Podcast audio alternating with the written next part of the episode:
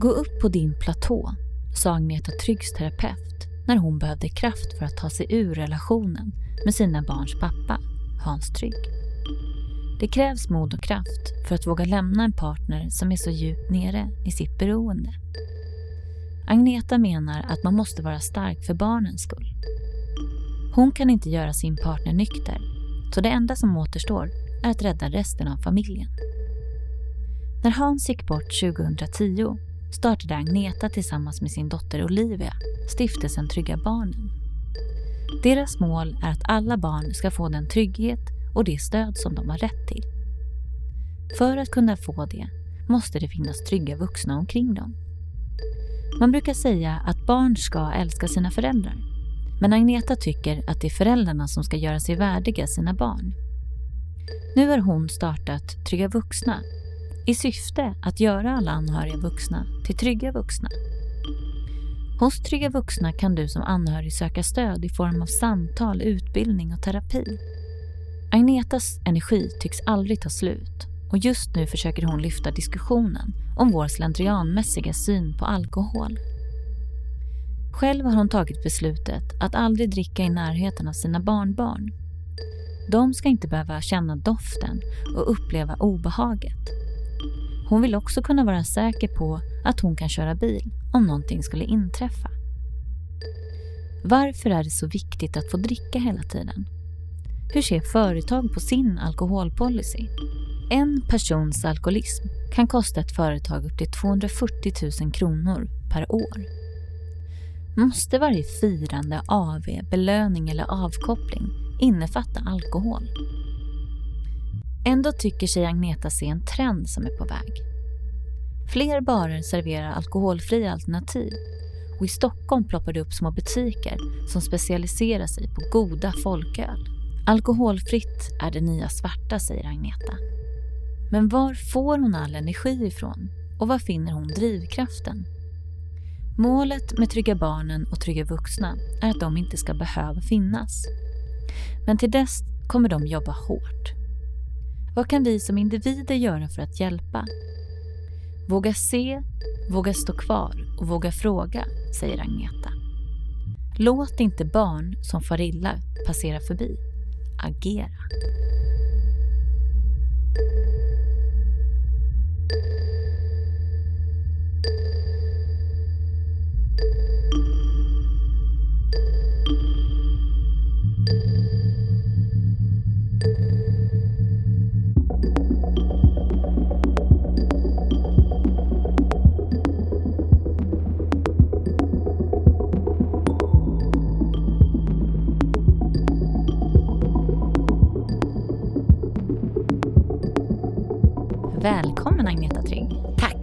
Jättemycket. När du och jag talades vid på telefon så berättade du om hur arg du var.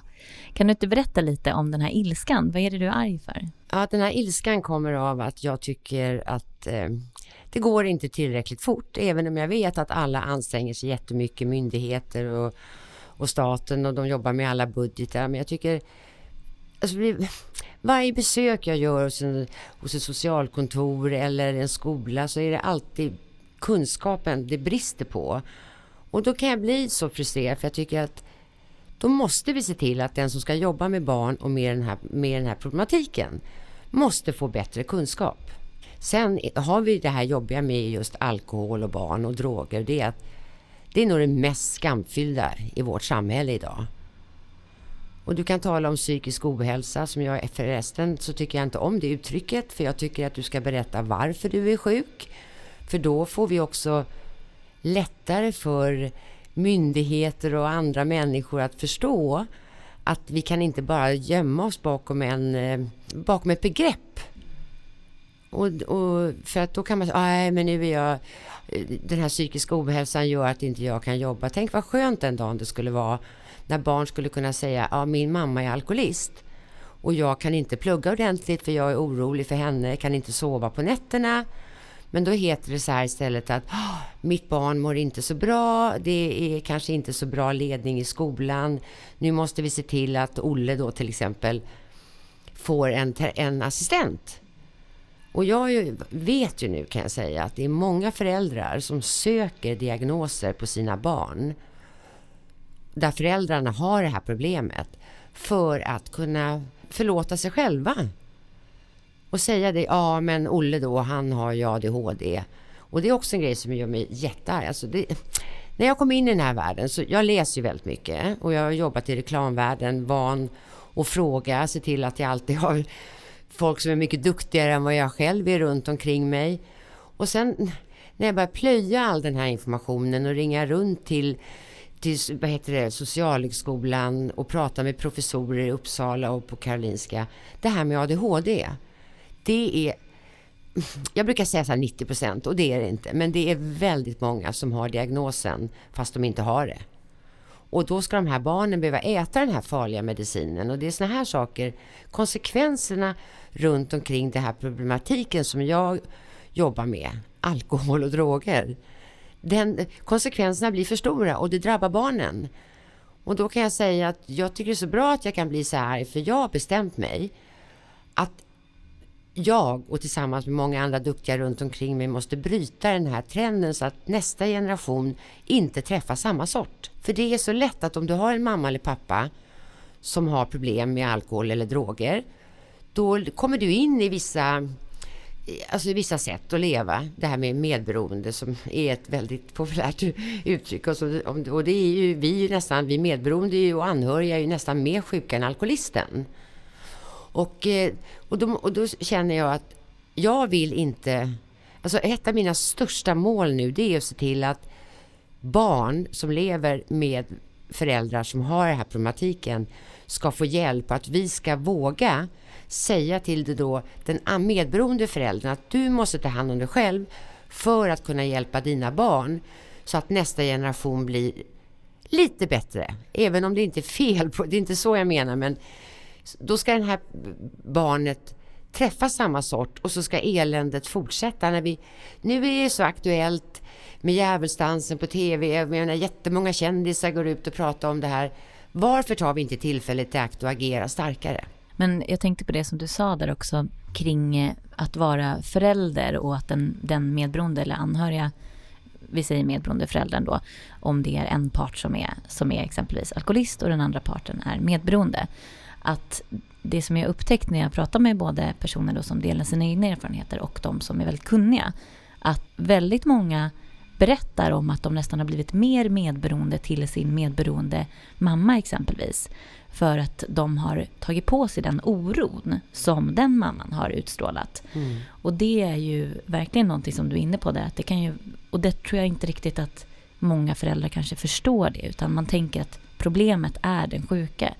Och eh, så visst, det är ju en återkommande grej det du säger där. Jätte, jätteviktigt, mm. tycker jag också. Ja, att inte liksom ta bort, vad ska man säga, vad heter det när man, om du pekar väldigt hårt på någonting. Mm. Om du har ett objekt som mm. verkligen behöver hjälp, ta en apelsin som ska skalas för du ska äta den. Du skalar ju en apelsin först. Och det är det här som är så känt det här att du måste ta på dig symasken först. Det tycker jag är väldigt bra exempel. Och jag tycker vi måste börja bli tydligare att alla Alltså så fort det kommer in, jag menar ta det här till exempel om, som det finns direktiv som jag också är väldigt arg på. Om du, läkare har fått direktiv att de ska fråga om de misstänker eller ser på prover att oj den här personen, han eller hon har nog druckit lite för mycket. Men tror du att de gör det? Jag, kan, jag vet inte hur många läkare som gör det, men jag vet i alla fall många som inte gör det. Och jag kan säga så att jag talar av egen erfarenhet för jag ringde vår husläkare och sa till henne att Hans dricker, kan du hjälpa oss? Hon frågade inte honom för att han kollar bort henne. Och, och då, varför finns det direktiv när ingen följer dem? Jag vill ta in det här i samma sammanhang, det här med sjukskrivningar för att du blir utbränd. Nu har jag sökt möte med Annika Strandhäll och jag tror vår socialförsäkringsminister. Och jag tror faktiskt att jag får det. Och får jag inte det med henne så får jag det med hennes eh, eh, statssekreterare. För att de förstår också. De här, när du blir sjukskriven för att du är utbränd. Om du frågar hur den här människan mår och har det hemma och kommer på och får reda på att det finns en alkoholist i hemmet eller en drogmissbrukare eller då är någon som är bipolär eller som mår psykiskt dåligt. Då kan man ta tag i problemet istället för att du ska bara sjukskriva den här människan och fråga, har ni barn hemma? Och tänk då om den här femåringen blir sedd redan då. Alltså jag vet, jag sa en gång till Göran Hägglund och det vet jag att han vet.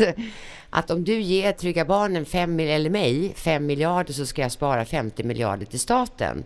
Om jag får gå ut överallt och prata om det här, hur viktigt det är att ta tag i själva anledningen till att du är sjuk. Mm. Och återigen så har jag egen erfarenhet för att jag är egenföretagare. Jag var jättesjuk hela tiden, låg på Danderyds sjukhus och hade lunginflammation och jobbade som en galen. Jag var den här riktigt duktiga flickan. Jag har ju gjort allt det här själv. Jag kostade inte staten ett öre.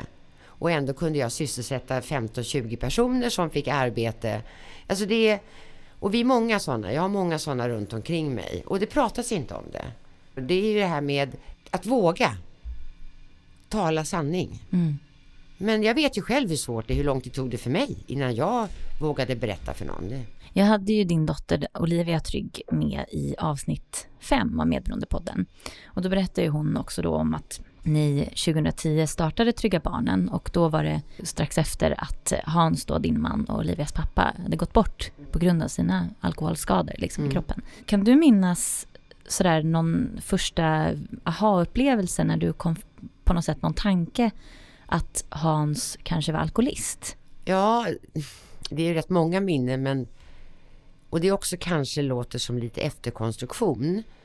Men när han, när det började eskalera och han hade sålt sitt företag och hade, vad heter det, näringsförbud. Alltså han, inte för att han var straffad utan konkurrensförbud heter det. Och han var alltid så här välklädd i vanliga fall och var himla snygg. Jag menar, han var en härlig människa. Och när jag kom hem på kvällen så såg han likadan ut som när jag hade lämnat honom på morgonen. Och då började det väl gro någonting i mig. Så att när jag svängde av där vid Ösbyrondellen och svängde ner på vägen, då började jag gråta för jag ville inte åka hem. Och då under den tiden så red Olivia jättemycket och det kan jag också säga, alltså hästen. Förlåt alla terapeuter, men en häst, det är så bra terapeut. För att du, om du pratar med någon som väger 600 kilo så måste du vara totalt fokuserad.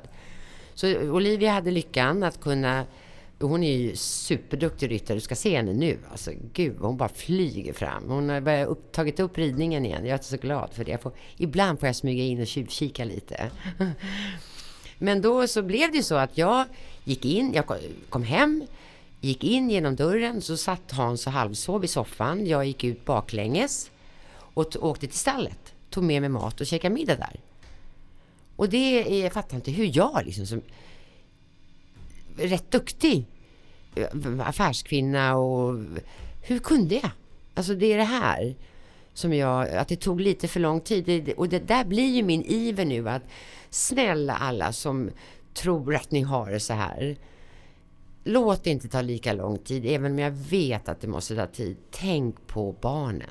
Många utvecklar olika strategier för att hantera det här. En del gömmer flaskor, andra försöker liksom styra och ställa. Hade du någon, hade du någon sån strategi som du började liksom applicera på, eh, på hans drickande? Ja, men jag kan säga så här att det började väl med att när jag kom på det att jag, vi drack ju vin ibland till maten och sen kom jag på, men varför sitter jag här och tar ett glas vin? Och då för att inte störa honom, för jag var ju sådär liksom mm, artig och väluppfostrad, så låtsas jag gå ut i köket, hälla ut mitt vinglas och hällde i äppeljuice. Också för att han inte skulle dricka mer så ville jag liksom att han skulle låtsas, eller jag låtsades att jag drack. Förstår du hur sjukt? Det är helt galet. Sen var han en väldigt smart person. Och jag vill inte säga att jag var så dum, men just då var jag dum. Så att när jag gick på morgonen så räknade jag spritflaskorna på våran, liksom i vårt vinskåp. När jag kom hem då hade jag bestämt mig för, nej Agneta, du ska inte gå och räkna de där flaskorna nu, skärp dig. Det hjälpte inte. Det var något som bara tog tag i mig och styrde mig till det där spritskåpet. Och sen när det hade gått några dagar så var det mer flaskor där på kvällen än när jag kom. Så att han låg ju steget före mig. Så det första han gjorde på morgonen, antingen ringde han Carrier, någon, en budfirma vi jobbade med, eller ryska posten som åkte till systemet, eller också åkte han själv, slängde de tomma vinflaskorna så inte jag skulle se dem och la på mer. Och då trodde jag ju, ja nu Agneta, nu håller du på att bli helt galen. Och det var en av anledningarna till att det började gå upp, liksom en riktig tankeställare. Men det var ju faktiskt Ida, min, dot min äldsta dotter, som uh, hade jobbat i New York och fått rätt mycket kunskap. Med kom alltså jag, inte att hon hade några kompisar, men det var ju väldigt mycket mer naturligt att folk hade problem där och eh, framförallt att där pratade de om det. Och sen så kom hon hem till Sverige och såg att eh, hennes syster mådde dåligt och då tog fan tag i henne och så sa hon de där förlösande orden att, som hon verkligen... Jag tror att det tog väldigt mycket kraft från henne för att säga att om, hon, om jag inte lämnade deras pappa så föraktade hon mig. Men hon är ju faktiskt min hjälte idag. Mm. För jag, jag lovar, det tog, jag tror jag, det här var på eftermiddagen, jag kommer ihåg vi satt på trappan utanför vårt hus där. Och direkt på morgonen efter så ringde jag. Och så då hade jag tur i oturen att jag fick en av de, en av de terapeuterna som då var bäst i Sverige. Men den här terapin, eh, den pratade Olivia om också. Mm. Att det var som att du, där fick du liksom riktiga insikter, att poletterna bara trillade ner. Mm. Mm. Och att det blev som ett startskott, att du förstod också att hur mycket det här påverkade er och hur mycket ni tog skada som familj av det. Mm. Och när, när jag lyssnar på Olivia också så känns det ju verkligen som att den här, jag ser den här ilskan igen, att du verkligen kände så att här, så här kan vi inte ha det. Och hon berättade att ni eh, satte ihop en intervention. Mm. Hur kom ni fram till det beslutet och vad tänkte du kring det? Nej, det var ju väldigt snabbt, alltså, mm. ungefär som jag är. Mm. Och den var ju faktiskt inte så bra, för det var inte med den terapeuten. Som, det här var lite, lite tidigare. Och det var så hemskt för att han, nu vet jag inte vad, jag kommer inte riktigt ihåg vad Olivia berättade, men hon, han säger det när vi sitter där att, ja, och sen kommer han att dö. Och då drog Olivia. Och vi fick inte gå efter henne. Alltså jag trodde jag skulle fullständigt krevera. Ah, ja, och... Eh, men det, samtidigt som det var hemskt så var det nog väldigt bra ändå för att vi fann ju varann igen och vi fick den här bra terapin och sen tycker jag jag högaktar Olivia för det här att hon idag när hon går ut och pratar säger att jag tvingade henne att gå i terapi. Och att jag satt här i den där bilen vi åkte runt, jag vet inte om det var sex eller sju terapeuter jag fick vänta utanför. Och allt det som Olivia fick gå igenom visade sig sen ge ett väldigt bra resultat. För hon är ju den som är hon är ju grym. Alltså hon är ju friskast i vår familj. Jag tror aldrig riktigt att du kan bli 100% frisk. För det här tror jag är en färskvara och jag tycker också, som jag sa, att det är fint när hon går ut och berättar att hon, att hon har gått i terapi. Och framförallt för de vuxna som får det, för att oftast är det så här, jag får höra från vuxna, nej men han, han eller hon vill inte. Ja men vadå han eller hon vill inte? Är det inte för ditt barns bästa? Du måste åtminstone testa. Men återigen så gäller det att du har rätt terapeut. Och där finns ju vi och kunna tala om liksom, jag menar, jag kan ju också säga att eh, som Olivia är arg på mig för, men jag har gått och fått hjälp för det, att jag gråter faktiskt en liten stund varje dag. För att jag inte lämnade deras pappa tidigare. Och det jag har låtit mina barn behöva gå igenom. Och när Olivia såg att jag var ledsen, då ringde hon till sina syskon och de blev jättearga på mig och sa, men mamma, vi har förlåtit dig, du visste inte bättre. Men den här arga Agneta, den, jag tror att det är vad jag behöver för att orka, för att inte ett enda barn ska behöva gå igenom det som mina barn har gått igenom. Det är ju, och jag är inte ledsen för det, snarare tvärtom. Men jag har gått till en jätteduktig terapeut som har liksom, vad säger man, nästan typ sövt ner mig och mm. gått igenom. Jag har fått jättefin sån här healing. Och hon har sagt till mig att ja, det här är en process. Det kommer ta ett eller två år till. Och då är det så fint för att då kan jag leva med det för jag litar på henne. Och hon säger också bara det att jättejobbigt för dig men samtidigt är det en sån enormt bra process att ha gått igenom. För det läker så många andra saker på vägen. Mm. Men jag tycker ju allt ont har gått med sig som min mamma lärde mig, alla de där ordspråken. Men jag kan säga så här, det fantastiska i allt det här, det är ju den kontakten jag har med mina barn idag. Att vi kan bråka, vi kan säga sanningar till varann. Och det hade inte vi haft om inte det här hade hänt. Så det tycker jag är... Så det är ju det är bara fördelar. Det är en väldigt jobbig process att gå igenom och gå i terapi.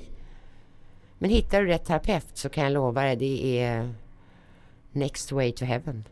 men du sa det där med att det är en färskvara. Kan du berätta lite hur du tänker kring det? Jo, men jag menar, det är ju som en alkoholist. Han eller hon måste ju gå flera gånger i veckan på A-möten.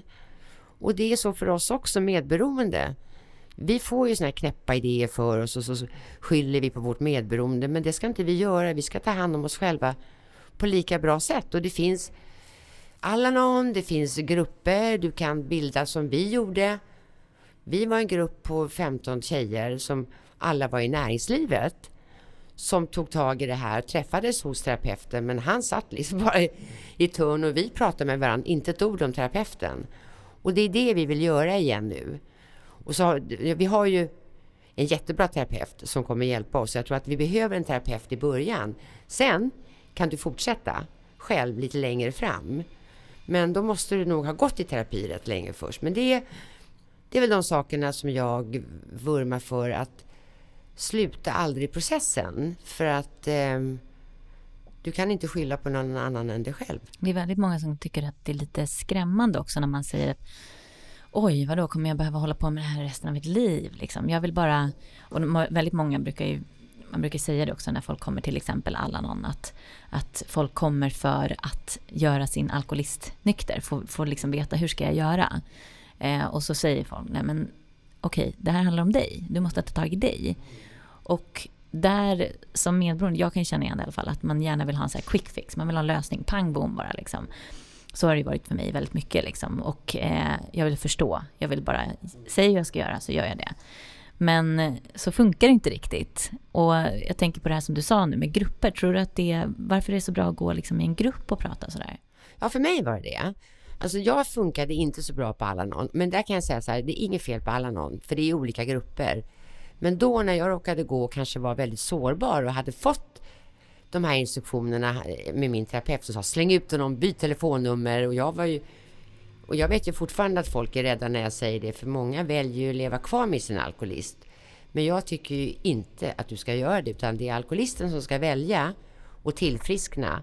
Sen kan han eller hon komma hem igen och då är det viktigt att vi har gått och fått hjälp för att väldigt ofta är det så som jag har hört sedan tidigare att om alkoholisten får hjälp och kommer hem och familjen inte har fått hjälp, då blir det nästan alltid skilsmässa. För att alkoholisten orkar inte med de medberoende som ska springa och kolla överallt.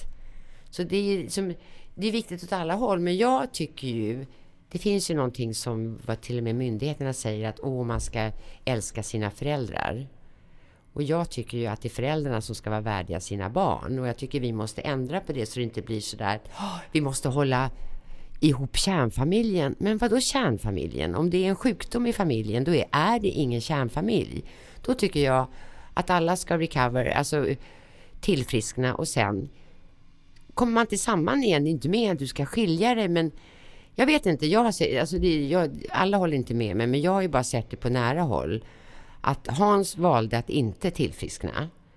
Och tänk om vi skulle ha träffat honom och sett honom på nära håll, hur han blev sämre och sämre. Skulle vi mått bra av det? Nej. Tillbaka till den här ilskan liksom. Det känns ju verkligen som att det också det är klart att det kan ju vara jobbigt att känna det och att du kanske kan bli arg på dig själv, just som du sa att har jag utsatt mina barn för det här? Men samtidigt känns det som att det på något sätt kanske hjälpte dig att ändå våga dra den här gränsen. För det är ju någonstans det man gör när man säger stopp, vi vill inte vara här, du måste ta tag i det här. Mm. Liksom.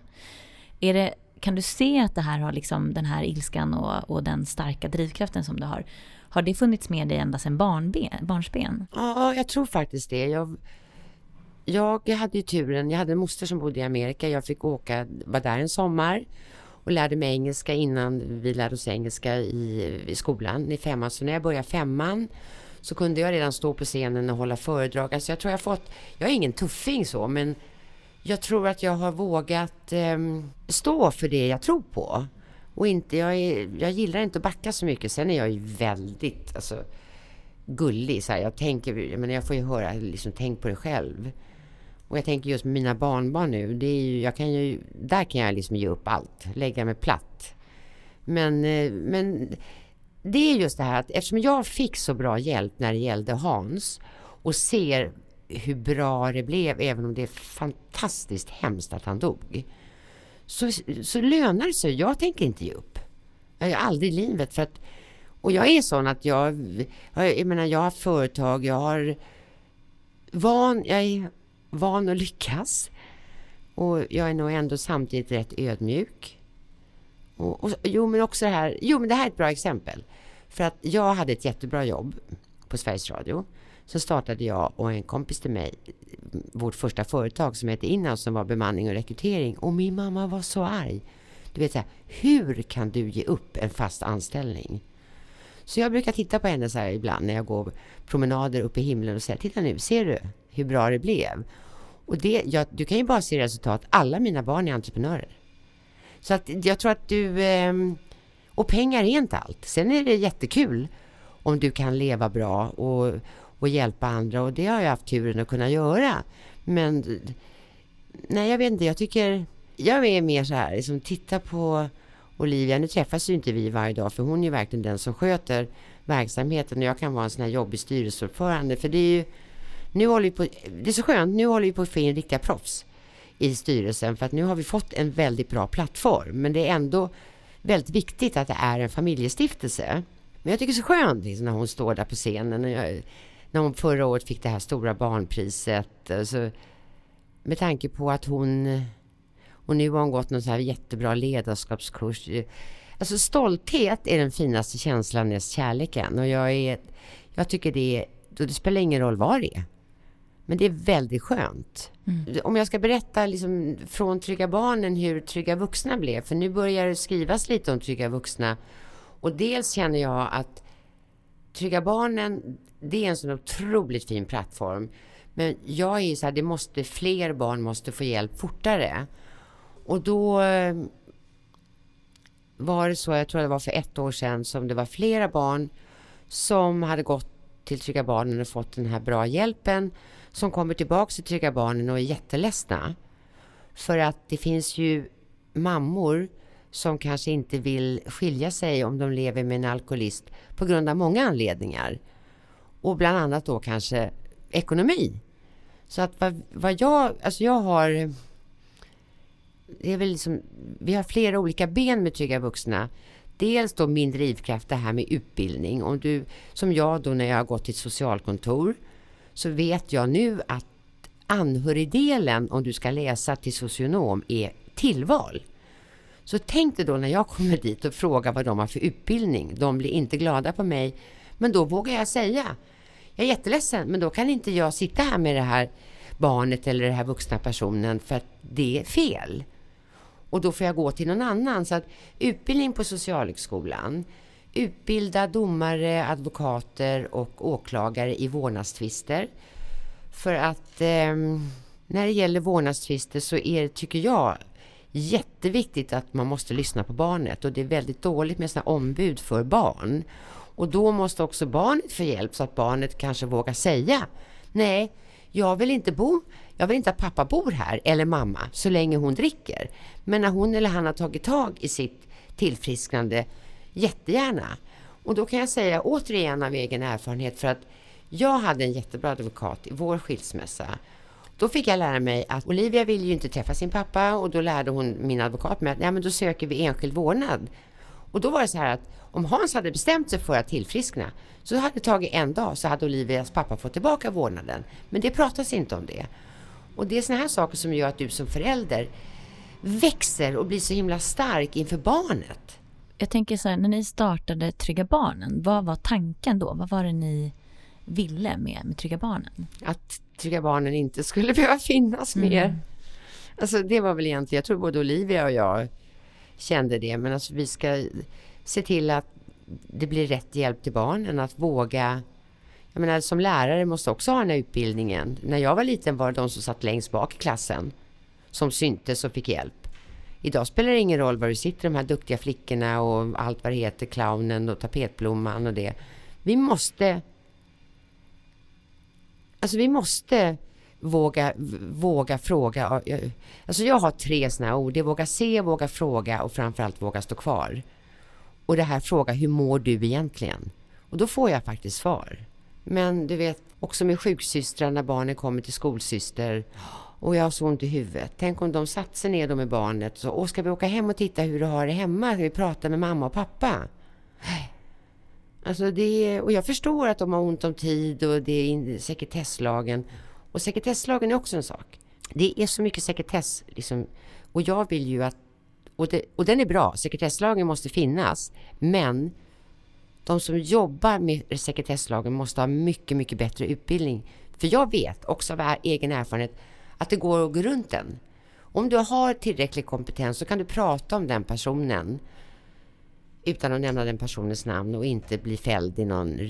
Och det är ju när barn... Du vet om en mamma eller pappa åker in på Sankt Göran för delirium. Det enda barnet vill det är ju... lever min mamma eller pappa? Nej, då frågar läkarna så här. Ja, får, är det någon som får veta att du är här? Det är klart att de säger nej.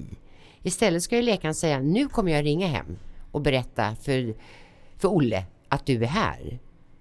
För alltså, ja, det är så mycket sån här onödigt och jag menar, jag var själv på Danderyds sjukhus på akuten och hjälpte en person när det kom in en jätteberusad kvinna i 40-årsåldern i det här. Du vet, det är sådana här tygbås jag hörde. Och läkarna ska ju fråga om de har barn hemma. Det gjorde inte den här läkaren. Du gick efter den här läkaren och sa det. Tänk om hon har barn hemma? Det är liksom ungefär mind your own business, det har inte du med att göra. För jag var ju på sådana här föredrag med BRIS för flera år sedan. Då var det ju en läkare där som höll föredrag och han berättade att då, när det var sådana här case så hade de kommit, åkt hem till den här familjen. Då satt ju en treåring i en garderob. Så att, ja, men det är sådär jag kan bli jättearg och jag, och jag vet att det finns eh, mycket att göra. Och också genom Trygga Vuxna så är det så här, min nya sån här hashtag nu är närvarande vuxen. För jag vet hur viktigt det är det här med, och jag är inte emot digitalisering eller någonting, men jag tror ju se ditt barn, våga ställa de här frågorna. Ett middag ihop på kvällarna, prata om dagen. Du skulle kunna ta bort, det kommer aldrig försvinna tror jag, och det är hemskt, men det här med mobbing. Om du pratar med ditt barn och finns, och finns där. Men vad vi gör nu som jag tycker är jättespännande, vi håller på att skicka ut till näringslivet, till alla VDR.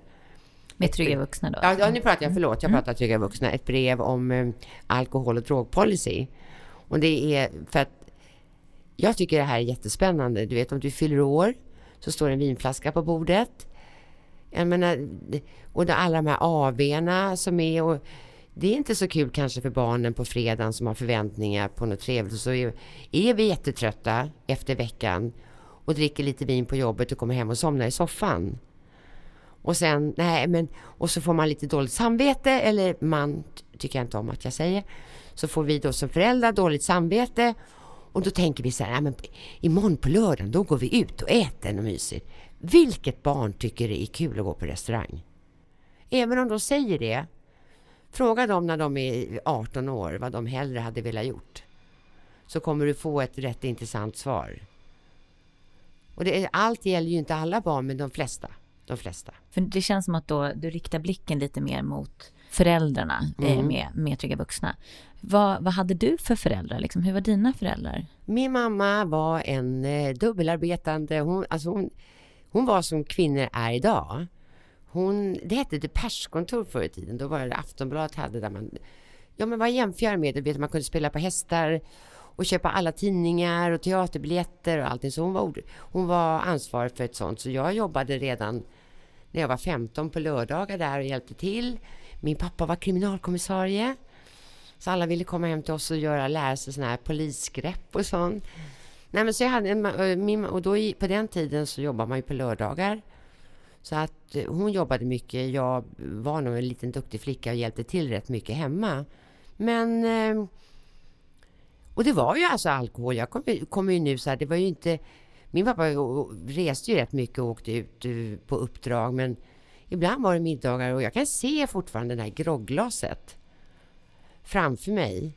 Men jag har inte, och det är så många säger, jag har inga negativa minnen, men du behöver inte ha negativa minnen för att det ska... Och jag var jättesöt när jag var liten, så här blond och lockig. Och jag har ett minne när en av pappas vänner liksom kom fram till mig och klappade mig på huvudet. Det var inget... Mm, alltså det hände inget mer. Men, men just hur jag fortfarande idag till och med kan känna den där klappen. Och det var liksom det enda. Och, men då tänker jag liksom på allt det som barn utsätts för idag. Alltså, ja, jag har ju också sagt att jag kommer börja åka i fängelse för jag kommer inte kunna hålla tyst. Det är den här sekretesslagen. Och jag tycker att det ska gå lite fortare då, då så att de här männen och kvinnorna som gör hemska saker med sina barn får eh, konsekvenser. Men den här, det låter ju som att din mamma då var väldigt, eller båda dina föräldrar var väldigt drivna och hade mycket kraft i sig. Liksom. Eh, har du fått det därifrån eller är det någonting som, du, som har uppstått senare i ditt liv? Men jag sa ju det att min mamma var lite sur när jag mm. liksom startade eget. För det gjorde man inte på den tiden och du skilde det inte heller. Alltså det var ju så mycket hyss-hyss med allting. Men drivkraften, ja. Mm. Alltså just det här att det ska fira varenda namnsdag, fira varenda födelsedag, bry oss om varandra, äta god mat. Alltså mina vänner blir nog tokiga på mig när jag alltid kommer ihåg allas namnsdagar och allting. Men det, jag försöker låta bli, men det går inte. Det sitter liksom i mig. Jag tycker lite grann så att the more the merrier. Alltså allt som går att fira som är väldigt positivt. Det tycker jag. Jag tycker det är fint och jag skriver fortfarande vykort. Ja, återigen, liksom, jag menar trygga vuxna finns och kommer finnas och också med samma anledning att för det handlar ju egentligen om barnen. Ju fler vuxna jag får, alltså vi på Trygga Vuxna lär dem att förstå hur viktigt det är att de får hjälp. Ju fler barn kommer fortare till Trygga Barnen. Så jag tror ju att det här kommer, det kommer hända jättemycket. Och sen att vi vågar liksom lyfta den här frågan, för den är, i näringslivet så är den ju fruktansvärt delikat. Alltså, jag ringer runt nu och frågar om jag kan få deras alkohol och drogpolicy. Och vissa säger så här, åh nej, den sitter i väggarna. Ja, men då ta ner den och mejla den till mig eller skicka den till mig. Vissa blir arga och vissa, det finns några företag som har strålande alkohol och drogpolicy som vi ska lyfta fram som goda exempel och det tycker jag är fantastiskt. Men det är det sista nästan de flesta företag tänker på. När de har policy så är det miljö. Så att vi har ett stort arbete framför oss men jag eh, som jag sa tidigare, jag vill eh, lära mig något nytt varje dag och jag älskar att ha duktiga människor omkring mig. Och vet du vad som är så fantastiskt? Jag får ju träffa professorer nästan varenda dag. Jag, är, jag känner mig som en sån här skolflicka. Alltså det är så häftigt. Och få lära mig och de orkar, de har tålamod och eh, ja, och, de, och sen tycker jag att det är så roligt nu för att vi ska göra Alltså det här som jag tycker, jag ger inte för att få. Men om du ger och ger och ger och ger så blir det nästan med automatik att du att du, lite payback time. Och jag, jag vet inte hur jag ska förklara det, för det är inte därför jag gör det. Men har du en bra relation med någon så brukar det generera bra saker. Så nu kom Sveriges kommunikationsbyråer. De eh, hjälper oss. Vi kommer att ha ett frukostseminarium mot reklamvärlden och prata just om det här med alkohol och drogpolicy. Jag är jätteglad för det. Plus att vi får eh, samarbete med IQ. Alltså just där som jag vill att det ska vara the more the merry, att vi ska samskapa. Mm. Så att vi försöker hashtagga det också, samarbete, samskapa för att ju fler barn vi når, alltså ju snabbare går det och att, alla, att fler ska må bra. Mm. En annan sak som jag skulle vilja passa på att säga det är att jag har ju ringt till kvinnojourer och pratat hur de jobbar. När kvinnor blir våldtagna och sånt där. Och då frågar jag det här med alkohol. Nej, du pratas inte om det för att då blir det en förmildrande omständighet i rättegången. Så Ida, du förstår ju att det här mm. är... Vi har långt kvar, men vi måste skrika kanske lite högre. Och också med alla de här organisationerna som pratar om eh, ja, det här med alltså, våld mot kvinnor. Det pratas inte om alkohol. Och det, alltså, det inträffar ju hela tiden. Så jag tycker ju... Jag är jätteglad för att du sa det här, liksom, att du har dragit igång det här och pratat om samarbete och samskapande för att jag tror på det. Vi skulle ha ett stort hus där vi alla fanns. Mm. Och där vi skulle kunna, är det någon som behöver sova över för det hem så ska de sova där. Vill de prata med en advokat kan de göra det. Vill de... Och en annan sak som jag tycker är så häftigt det är Madeleine Leijonhufvud. Hon är ju professor emeritas, tror jag det heter. Det, Mm. det, ja. Hon är ju senior advisor till mig nu, eller till Trygga Vuxna och hjälper även lika mycket Trygga Barnen. Och hon är ju strängare än jag, för hon tycker att det ska vara en lag på att man ska vara nykter när man är med sina barn. Mm. Och då sa hon så här, som jag tycker är rätt fint, att det kommer aldrig hända. Men när lagen om aga kom så var det samma skrik och bråk. Men då fick människor upp ett öga för det här och började se omvärlden med andra ögon. Mm.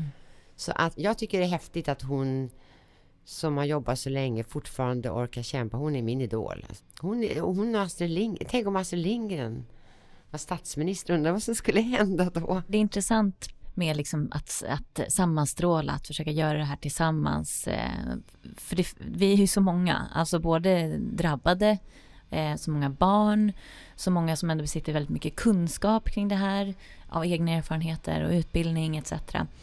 Och någonting som jag pratade med Olivia om också som, som är väldigt starkt i mitt hjärta också, att ju tidigare får man någonting, driver igenom någonting en dag tidigare så kan det ju vara liksom tio barn till som slipper gå igenom det här.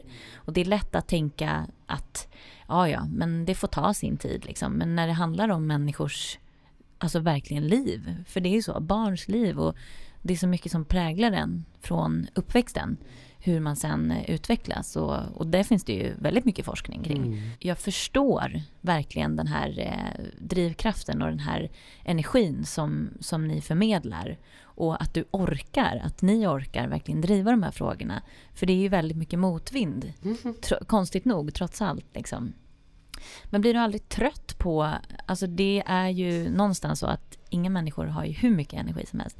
Blir du aldrig trött på att liksom, diskutera de här frågorna? Och... Nej, då kan jag bara titta på en bild på Hans. Och så känner jag upp igen. Och då, då vad som är fint är ju att jag tänker på honom alltså som den goda människan för att han då så att jag, det är så skönt det här med bitterhet och allting. Det, och jag har lovat mina barn, jag ska aldrig bli någon bitter gammal tant. Men, men, men det är det här drivet jag har, att ingen ska behöva uppleva det mina barn har gått igenom och eh, lite jobbigt för mina barnbarn då. Nej, men jag måste berätta, det var så himla fint. Jag var med mina döttrar, alltså Olivia och Ida, och Ida har ju barn, så att Olivia kanske inte tyckte det var lika roligt. Vi var ju i Palma över en lång helg för att vi skulle, jag ville umgås med dem, för vi hinner, Ida bor ju i Kenya, så vi hinner inte träffas så mycket. Och så sitter vi där och äter lunch och då mina barnbarn, de är nio och sju och den yngsta är bara liksom några månader. Den äldsta då som är nio, hon bara Mormor, jag får bara så här knapp på axeln. Titta där! Så vänder jag mig om, då sitter det en pappa som, ge, som har en liten ettåring på bordet bredvid mamman och ger honom sitt ölglas. Och då är den här mitt barnbarn hade reagerat så att hon sa Olivia, Olivia! Så Olivia fick gå fram till den här pappan och han var så otrevlig tillbaka. Så jag är lite grann så här jag pratar väldigt mycket, jag är jätteengagerad barnbarn och ett av mina barnbarn ringde och sa så här Ja, pappa dricker en öl, får han det? Och jag började så här, ah! så hörde jag i bakgrunden, alltså det är lätt, det är liksom alkoholfri öl, men vi har ju inte någon, vi är ingen nykterhetsorganisation, vi har inga förbud. Utan det är väl bara det att det är väl bra att vara lite uppmärksam. Och det har ju blivit så på våra familjemiddagar nu att det är väl, alltså, jag brukar komma ihåg så här till efterrätten, oj, var det någon som ville ha ett glas vin? Men, men alltså när det gäller det här med nykterhet, jag har ju tagit ett beslut och jag är jätteglad för det. Jag har tagit ett beslut, jag dricker aldrig när mina barnbarn är med. De ska inte behöva uppleva att jag luktar konstigt och att jag aldrig kan sätta mig i bilen om det skulle vara någonting och, och köra, hämta eller lämna. Och jag tror det har blivit en sån här, jag tror det är en trygghet för dem. De vet liksom att där är hon, mormor och farmor. Hon är rätt cool ändå. Men du, den här debatten, det har ju kommit upp ganska mycket nu eh, i media bara de senaste veckorna och så kring det här med huruvida en alkoholist kan dricka eller inte. Och det vet jag att många som, som har åsikter och tankar kring det här. Men en sån här eh, stark liksom, impuls som jag får, att varför är det så viktigt att dricka? Hur, ni träffar ju föräldrar och barn och så här, vad, vad tänker du kring de här sakerna? Ja, men det är ju det samhället vi vill, som jag sa förut, här, om någon fyller år. Nu hade jag en kompis som hade vunnit någon säljtävling och då önskade hon sig en pilatesboll. Och det är förresten Mikaela som jobbar med mig nu med Trygga Vuxna. Men det stod ingen pilatesboll på hennes skrivbord dagen efter. Alltså det är, förstår du hur det är så satt i sten på något sätt. Att du ska fira allting med alkohol. Så att vi, vi måste hela vi måste ändra. Och nu kommer ju de här juice, Joe and the Juice och Juiceverket och två stycken nya affärer. Vad heter de? Bottle Shop och folk... Alltså någon ja, som, just det. Mm. Ja, det finns ju två roliga såna här affärer där man kan köpa alltså, folköl och någonting. Och, och, och när det blir trendigt. För nu läste jag en artikel om um, att, vad var det nu, att det nya svarta är alkoholfritt. Men jag vet ju också att det är en viss klick. Så att det kommer ta tid, men jag tycker jag blir jätteglad för alla de här tankarna att vi, att vi, att vi lyfter frågan. Och jag kan ju bara säga att det här, jo, för att vi har ju barn som har gått då och fått hjälp av några av de här läkarna som, eller inte vi utan Trygga Barnen har barn, som uh, har gått hos, där föräldrarna har gått hos den här läkaren. Som, det finns ju flera läkare som tycker att du kan lära dig att dricka. Och de barnen är inte speciellt glada idag. Och jag vet inte, men jag är ingen läkare, jag är ingen professor, men vad jag har hört att de som jag litar på, så går det inte. Alltså, en gång nykter, alltid nykter. Du, och jag menar, om du har det i generna och är ung och tar en lättöl så kan du utveckla alkoholism. Från, alltså det finns så många. Så att, men det är väl bara upp till dig att bestämma hur du... Eh, och därför tror jag att det är så viktigt att familjen runt omkring får utbildning så de kan stötta eller också våga säga till sin mamma eller pappa att ja, men om du nu hade tänkt åka in till nämndemansgården och, och, och, ta, och du har tagit det här beslutet och så väljer du nu att lära dig att dricka, då är inte du välkommen. Och sen framför allt, där de tycker att en sån behandling är bra, de terapeuterna och läkarna runt omkring, de ska ju direkt säga, finns det barn i familjen? Och se till att den, de anhör, den vuxna anhöriga barnen kommer och, och får hjälp. Och det är, den, det är det samskapandet som jag tycker är så viktigt. För att jag tänkte, jag måste bara berätta, vi, håller på, du vet, vi, man betalar så mycket skatt i Sverige och allting. Och så var det någon, en tjej som ringde mig häromdagen och sa, men ska ni betala så här mycket skatt? Ni jobbar ju åt staten. Ja, jag blir så här, det är kanske nästa debatt. Mm, eller hur? ja. Får lyfta upp det. Ja. Men för nu lever ju ni, hela familjen, väldigt annorlunda liv mot vad ni levde innan. Men som du var inne på så är det ju oftast ett mönster som man utvecklar det här med att man söker sig till dysfunktionella personer och så. Vad tänker du om liksom, relationer, framtiden och vad har du för tankar? Är du inte rädd för att falla tillbaka till det här destruktiva eller hur tänker du? Nej, det finns in, alltså, ja det är klart. Jag har träffat några män efter, men inte haft någon Alltså ingen sambogrej eller någonting. För det är också så här. Det kanske är så här. Åh, oh, pånyttfödsel. Jag var väldigt ung när jag träffade Oskars pappa. Och sen när jag träffade Hans. Så jag har levt med någon väldigt länge. I och för sig nu har det gått tio år mer. Vad är det? 2004? Det är alltså... Men... Ja, men det är... Jag har så mycket vänner. Varit ute, träffat lite män. Nej, men jag känner jag har så rikt liv. Och, ehm, och jag är en sån här människa som du kanske märker, så när jag gör någonting så gör jag det fullt ut. Så skulle jag bli kär, då skulle du märka det. Jag lovar dig. Det, är det, går nog, det kan nog ingen ta, eh, eh, ta miste på. Men jag tycker det är så fint nu att den tid jag har över får vara med mina barn, alltså få vara med mina barnbarn där man verkligen kan, där jag verkligen kan visa ännu mer vem jag är. Men det är klart, jag, nej, jag, och jag tror ju som du, du sa tidigare det här med att vi måste aktivera vårt medberoende och hålla det Eh, som aktuellt, ha koll på oss själva. Och det tycker jag är så skönt nu, just det här med att vi har gått i terapi, att vi kan säga till varandra, hörru skärp dig, vad är det du håller på med? Och så kan man då snabbt ta en liten uppfräsningskurs. Men lyckan för mig, det är ju alla de här fantastiska terapeuterna som jag har runt omkring mig. Jag menar, jag kan ju bara, de kan ju bara titta på mig så just det, det är kanske är dags att... Nej, det är... Men jag utger mig inte för att vara terapeut. Jag säger att jag är Agneta Trygg, jag talar ut av egen erfarenhet och tittar på mig och tycker om att jag kan vara en förebild på något sätt, så fine, jag blir jättelycklig för det ni är ju verkligen så sammansvetsade i det här. Alltså jag tänker du och Olivia, ni har ju verkligen startat Trygga Barnen ur mm. ett perspektiv som är med mycket kraft och mycket liksom samarbete.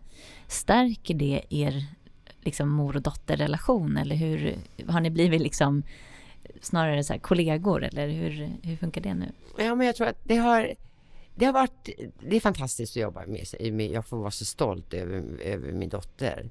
Jag tror, men så har vi haft lite eh, ja, rätt tuffa diskussioner men vi hade inte kunnat haft dem om inte vi hade... I och för sig kanske vi inte hade startat Trygga Barnen om inte det hade hänt Hans. Men samtidigt så är det fint för att efter varje diskussion vi har så, blir, så kommer det så mycket fint ur det. Men jag tror också att det, är väldigt, det kommer bli ännu bättre nu för att konsekvenserna av att Trygga Vuxna finns det är ju att den kunskap jag har fått genom Trygga Barnen har ju lett till det här. Och det är väldigt bra för Olivias och min relation. För att vi behöver vara mamma och dotter.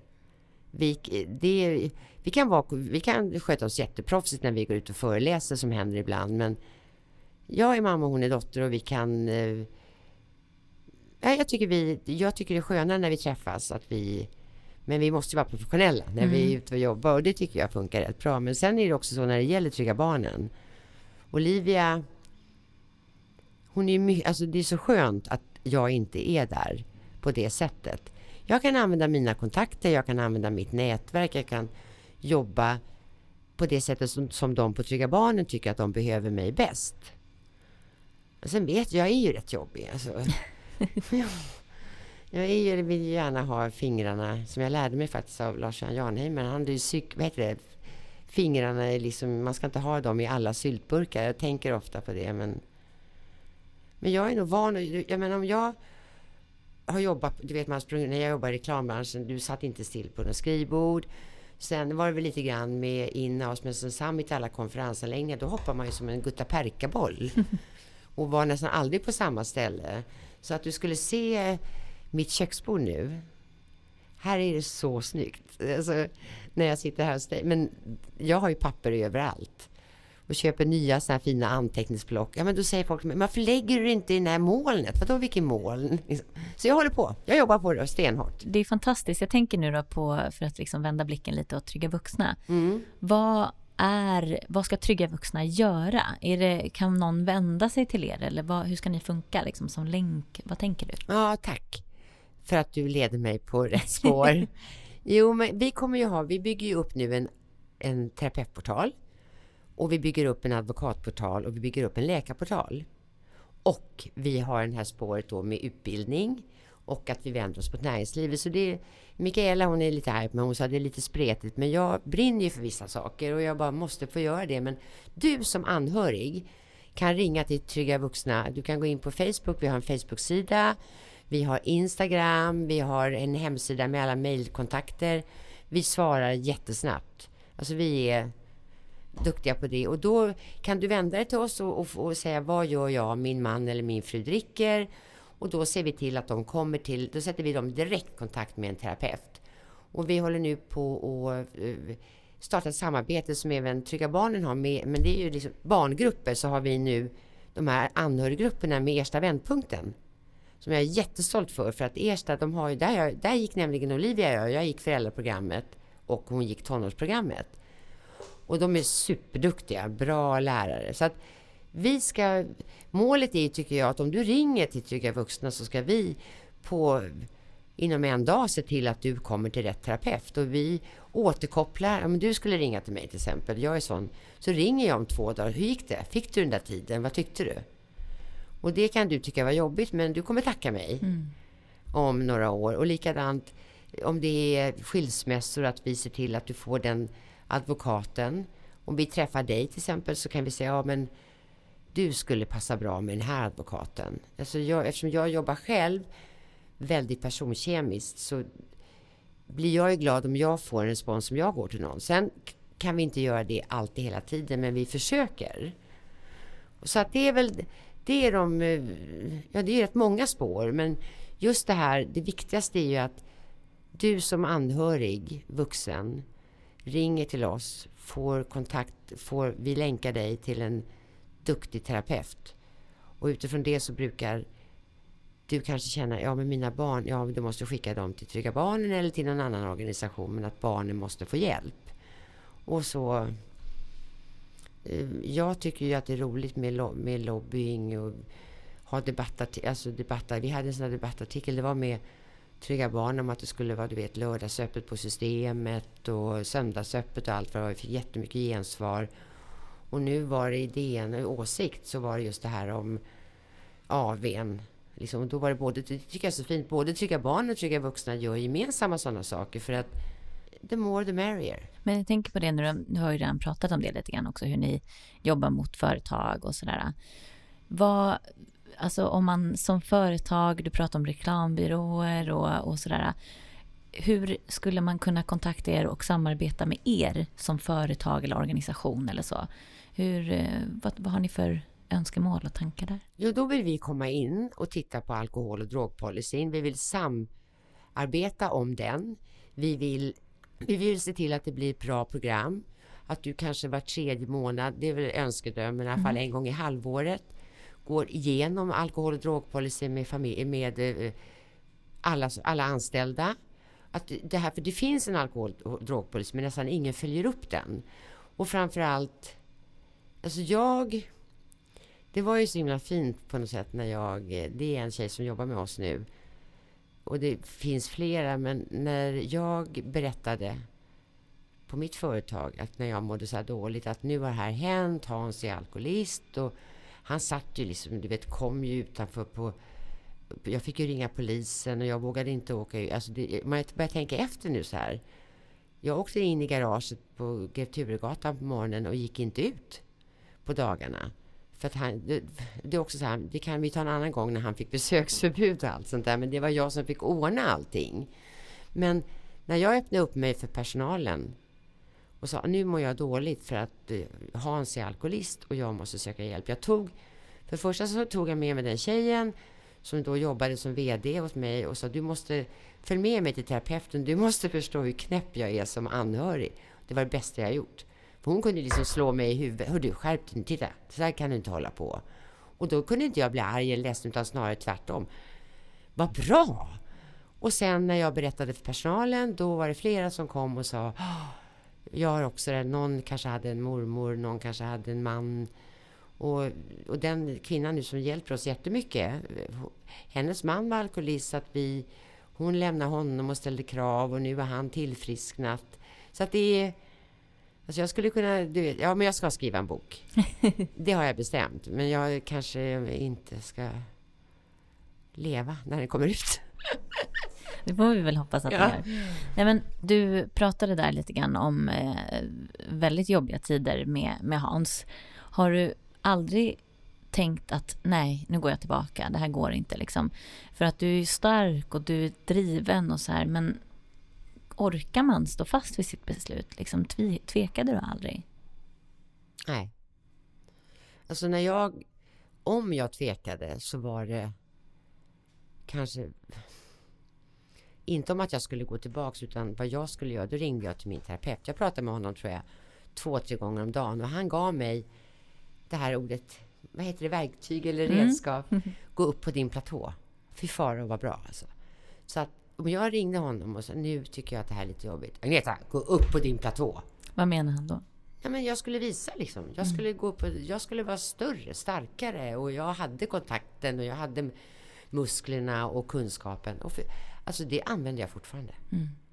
Det är så grymt. Och jag menar, jag stod hemma i vårt vardagsrum bakom vår kakelugn. Ringde till terapeuten. Hans gömmer sig i trädgården. Och jag var så rädd. För det, även om inte han var så himla stark. Så det var ju, jag är inte van, var ju inte van att se honom på det sättet. Och, bara, och min syrra var på väg till mig. Det här är så himla fint. Så jag skulle släppa in henne samtidigt som Hans stod i trädgården. Jag ringer min terapeut och han säger så här. Gå upp på din platå. Yes! Jag går ut, öppnar dörren, får in min syrra. Klarar att hålla emot dörren när han står och drar. Hans då, vi ägde ju huset ihop så här. Han ringer en låsmed som kommer infarande på gången. Och jag bara... Då hade Hans gått ner från trappan så då öppnade jag dörren och så sa jag bara så här. Om inte du lämnar den här grusgången om fem minuter ringer jag polisen. Och låsmeden åkte. Alltså det är sådana grejer som... Och då var ju Hans så sjuk. Liksom. Han var ju både alkohol och tabletter.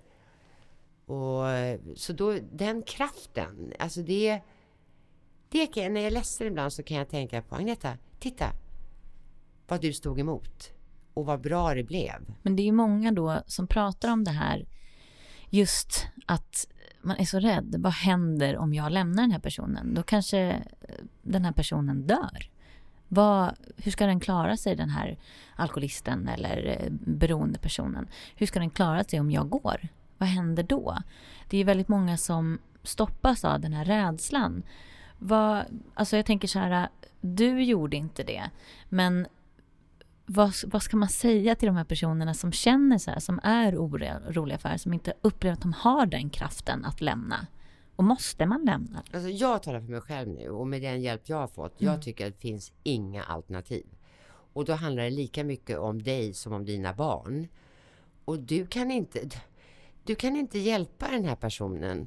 Och, och han eller hon har ett eget val. Alltså även om det är en sjukdom så kan du väl, alltså jag tycker egentligen att det skulle vara så här, men nu kommer väl hela världen bli arg på mig, men om man tog in en alkoholist för behandling och kollade om det funkade.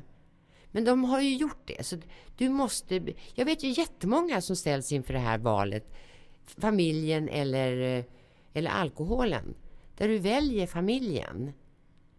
Och då åker du in i behandling. Och så då, men då tycker jag, det är det som har blivit mycket bättre nu, att då måste familjen få hjälp. Men jag kan ju förstå liksom, om du har en jättesjuk man som du älskar hur mycket som helst. Ska du verkligen lämna honom eller henne, om det är tvärtom? Men då tycker jag, alltså jag skulle göra det igen. För nu har jag resultat på hur mina barn mår. Före och efter. Du kan ju se på Olivia, vilken lysande stjärna hon är och vad som har hänt med henne. Nej, så att eh, frågar du mig så tycker jag finns... Eh, det handlar om en sak. Hitta en terapeut med rätt utbildning. Hitta personkemin och, vis, alltså, och tilliten. Och har du inte den så måste du byta terapeut. Men där gäller det också att du har... Och då ringer du till Trygga Vuxna. Så hjälper jag till och pushar dig så att du vågar. Men sen vet jag flera som tycker att ja, men jag, stanna kvar, ja då är, kanske, då är det deras val. Och där är det ju också viktigt som vi pratade om att, att vi anhöriga medberoende är ju minst lika sjuka. Ja. Och, eh, så, så den sjukdomen är lömsk den också. Aha. Vilket gör att man kanske då förnekar och, och vill stanna kvar och, och, så. Ja, men jag har ju hört, jag vet ju jättemånga som stannar kvar. Men det är återigen, jag talar ju bara av egen erfarenhet och jag, jag ångrar inte Alltså, ja, jag kan tänka nu så här, gud vad snygg han var, vad gullig, vad fint vi hade. Men hellre liksom 25 år av, eller kanske bara var 22 egentligen, mm. av riktig fin kärlek än bara leva för att det ska se bra ut. Liksom. Det, mm. det finns annat då som... Men jag vet alltså, det här är jättesvårt för att jag vet att det finns så många där ute som har så jobbigt med att ta det här beslutet. Men då kanske det är bra det här du vet, som händer med Djävulsdansen och alla de här programmen och din, din podd. Att vi, ju, mer, ju fler vi är som pratar om det, ju fler kan vi hjälpa. Mm. Du var ju inne på det lite i början, liksom, drömscenariot. Då sa du att, att Trygga Barnen inte skulle behöva finnas. Om man skulle liksom konkretisera liksom, vad din... Vad är det du jobbar för? Vad är liksom kärnan till det du gör? Att jag gör det jag gör, det är för att jag... Det finns, jag, det finns inte ett barn som jag önskar ska ha gått igenom det här. Och när jag vet att det finns duktiga människor som kan se de här barnen så måste vi bli fler som kämpar för det. Det handlar om barnen, det är vår framtid. Det är verkligen, alltså jag tycker så mycket om barn och jag har själv sett så många barn farit så illa. Och sen tycker jag då att om jag har fått en kunskap, det är lite grann, jag är inte ett dugg religiös, men har jag fått en kunskap då ska jag väl använda den och jag har en drivkraft. Men det jag då tänker på är, nu pratar vi mycket om liksom samhället, politiskt, här, hur vi ska förändra. Vad kan gemene man göra? Kan man göra någonting? Alltså vi är enskilda små människor. Kan jag eller någon annan göra någonting för att förändra det här, för att hjälpa till det, i det här? Liksom? Ja, alltså våga se, våga fråga, våga stå kvar. Ser du ett barn som mår dåligt, kanske till och med ett barn som är väldigt, väldigt kraftig, kanske har bulimi, ett barn som är väldigt, väldigt smal, kanske är anorektiker och det beror ibland på att du har en mamma eller pappa som dricker eller mår psykiskt dåligt och då då måste du våga fråga det barnet, som jag gör om jag går på stan. Jag har ju lämnat visitkort till flera barn som har sökt sig sen vidare för att få hjälp. Och sen orosanmälan. Det är det som vi jobbar med nu, som Olivia gör också. De har ju på, håller på och utbildar i hur, hur det går till när du gör orosanmälan, hur viktigt det är att det kommer från flera håll och att det följs upp och att de som jobbar med att ta emot orosanmälan har rätt kunskap. Alltså allt, det kommer tillbaks till kunskap hela tiden. Och våga, alltså våga ta tag i det. Och det gäller att vara, jag menar, det är så, jag kan ju gå fram till vem som helst och säga både gulliga saker och men jag ser en pappa som tar för hårt i ett barns arm på Konsum. Då, hallå, vad händer? Och även om inte han gör eh, illa sitt barn så får han, oj då. Alltså, väcka alla, all, alltså om du väcker alla små orosmoln så att det kan bli något bättre av det.